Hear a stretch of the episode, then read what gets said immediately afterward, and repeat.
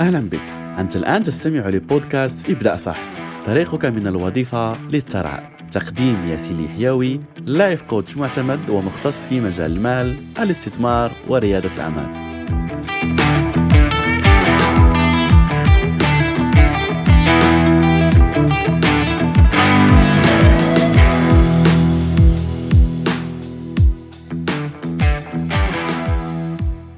السلام عليكم ورحمة الله وبركاته. أهلا ومرحبا بك من جديد في بودكاست إبدأ صح برنامج الوفرة المالية الذي نقدمه طيلة شهر رمضان الكريم. حلقة اليوم ستكون حلقة مميزة لأن اليوم سنناقش واحد من أهم الأسباب التي تعطل حياة الأشخاص في الوصول للحرية المالية وللوفرة المالية. وكذلك سنتكلم عن حل هذا المشكل وسنناقشه بطرق مبسطة لكي تصلك هذه الفكرة وتتفادى هذا المشكل وتصل لأهدافك اللي هو الوفرة المالية. لكن قبل ذلك خليني أشارك معك قصة وقعت لي وهي لما كنت مسافر لدبي مؤخرا في بداية هذه السنة. وأنا من عادتي يعني لما أكون مسافر لأي مكان فأخذ تقريبا نصف يوم ولا يعني ليلة أجهز فيها هذا السفر يعني أجهز الأماكن التي أزورها في هذه المدينة ولا هذا المكان اللي أنا ذاهب له لكي يكون عندي plan فأحب يعني الخطة فأحب دائما أن يكون عندي يعني plan ولا خطة الأشياء التي سأقوم بها الأماكن التي أزورها أفضل الأماكن في هذه المدينة. المدينة فلا أحب يعني طريقة الأشخاص في السفر على أنه آه يلا نسافر ونكتشف الأشياء. آه أحب الاكتشاف ولكن أحب أن يكون عندي يعني جدول بالزمن اليوم الفلاني سأقوم بهذا. يعني الصباح الظهيره المساء الليل إلى غيرها. فبنفس الأمر كنت يعني مجهز البلان اللي كان عندي في رحلتي إلى دبي. ومن بينها يعني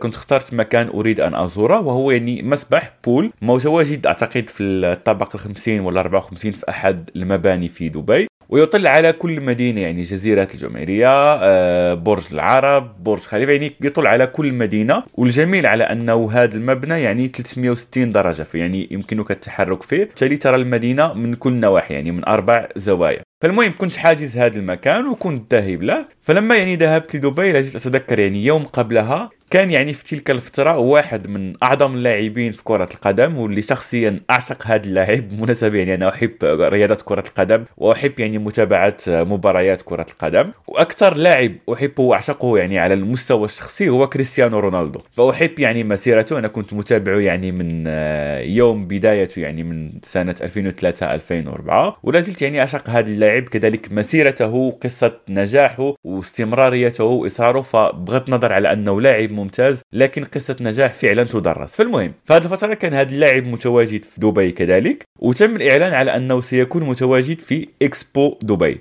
وهذا اليوم اللي كان سيتواجد فيه كان في نفس التوقيت اللي سأكون متواجد فيه في هذا البول اللي كان عندي يعني بلان ومخصص. فهنا وجدت نفسي أمام اختيار صعب على أني آه، ألتقي بشخصية أحبها آه، بشخص بالنسبة الأشخاص يعني اللي يعشقون كرة القدم يعرفون معنى على أنك آه، تتابع فريقك عن قرب ولا لاعبك المفضل تلتقي به. فكل هذا يعني عندنا يعني ممكن مشاعريا شيء كبير جدا. ففي نفس الوقت كان عندي هذا الهدف كما قلت لك وجدت نفسي أمام اختيار. الشيء اللي قمت به لما فكرت حسيت بنفسي صراحة أني آه أحب أن ألتقي بهذا اللاعب وهذا القدوة اللي عندي ممكن رياضيا ولا حتى يعني في مجال الإنجاز والنجاح ولا أستمر في ال plan ففكرت على أنه لا أنا واضع plan وعندي خطة محددة بالأشياء التي سأقوم بها فيستحيل أيا كان ولا أي شيء يظهر أمامي على أنه يشتت أهدافي ولا يغير ال plan الذي وضعه. فالغريب في هذه القصة هو على أنه اخترت على أني أستمر في ال plan اللي أنا عندي وأذهب للمكان الذي كنت أريد.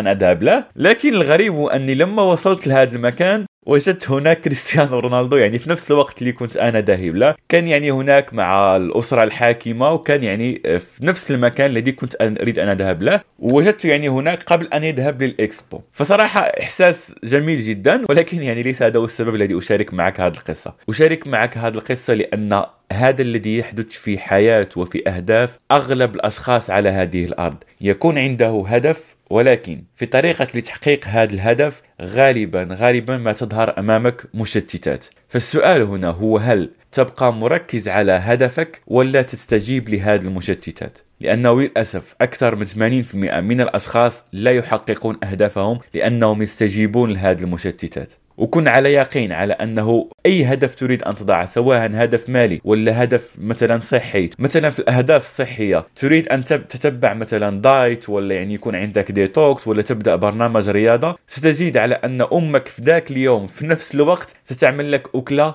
تهدم لك ال diet. تزيد على أن أصدقائك ولا الأهل سيدعوك يعني لمطعم تهدم فيه برنامجك الغذائي وبرنامجك الرياضي. فهل ستستجيب لهذه المشتتات ولا تقول على أنه لا أنا شخص مستمر في أهدافي وعندي هذا الهدف أريد أن أحققه؟ تكلمنا في حلقة الأمس وبالمناسبة هي موجودة على كل قنوات البودكاست يعني لو كنت تتابع هذه الحلقة على يوتيوب ولا على منصة أخرى فالحلقات كلها متواجدة على منصات البودكاست وستجد يعني رابطها أسفل هذا الفيديو. لكن لو كنت متابع هذا البرنامج على البودكاست ففقط اعمل follow للبرنامج لكي تصلك notification بكل الحلقات. في حلقة يوم أمس تكلمنا عن موضوع جد مهم هو أن التصرفات التي تقوم بها اليوم هي التي تبني النتائج التي ستحصل عليها غدا وفي مستقبلك. فهذا نفس الأمر الذي يقع لك في أهدافك. فطيلة هذا البرنامج تكلمنا عن العديد من القناعات ومن الأفكار وفيها بعض التصرفات. فمهم جدا على أن تكون التصرفات والأفعال التي تقوم بها ملازمة ولا مطابقة للقناعات والأفكار التي تقول.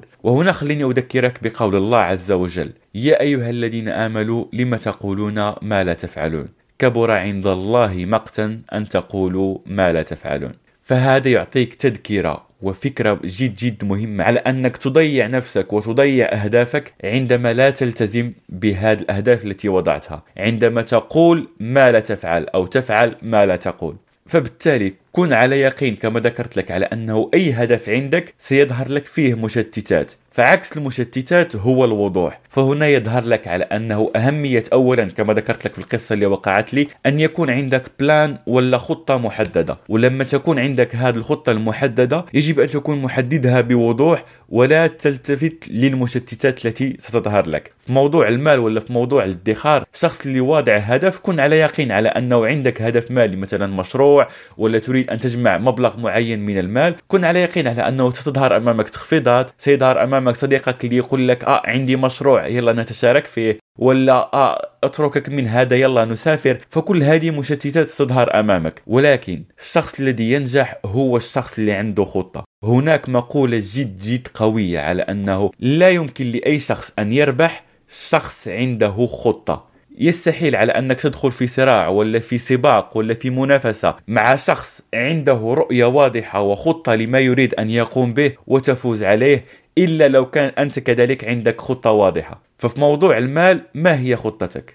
وهنا خليني أسألك ممكن تقول لي آه خطتي أني أريد أن أكون غني خطتي أن يكون عندي ثراء هذا ليس خطة واضحة. هذه للأسف خطة اللي عند أغلب الناس. وكما قلت لك لكي تنجح لا تفعل الأشياء التي يقوم بها أغلب الناس لأن أغلب الناس يعانون أكثرهم لا يفهمون أكثرهم لا يعقلون أكثرهم لا يفقهون. هذه كلمات وآيات الله عز وجل. فبالتالي يجب أن تقوم بالأشياء المعاكسة لما يقوم به أغلب الناس. ففي موضوع المال لكي تنجح سأطلب منك أن تحدد مبلغ مالي معين. عندي مقولة أرددها دائما على أنه أغلب الأشخاص لا يحققون أهدافهم في هذه الأرض لأنهم لا يعرفون هذه الأهداف وحتى لو عرفوا هذه الأهداف فهم لا يعرفون خطوات تطبيقها بدقة. فبالتالي أنت قم بالعكس. كما ذكرنا عكس التشتت هو الوضوح. فخليني أسألك ما هو الهدف المالي الذي تريد أن تحققه ويكون هدف مالي بمبلغ معين؟ يعني يجب أن تحدد كم تريد أن تجني ماليا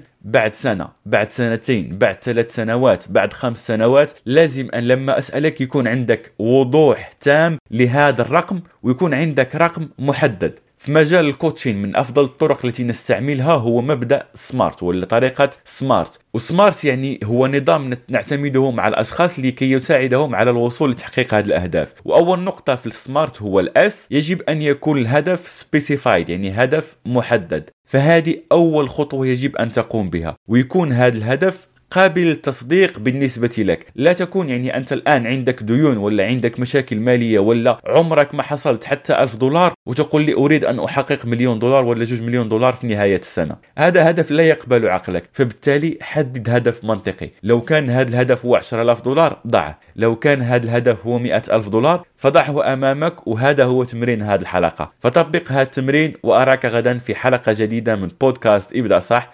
ولا تنسى ابدأ صح تنجح صح.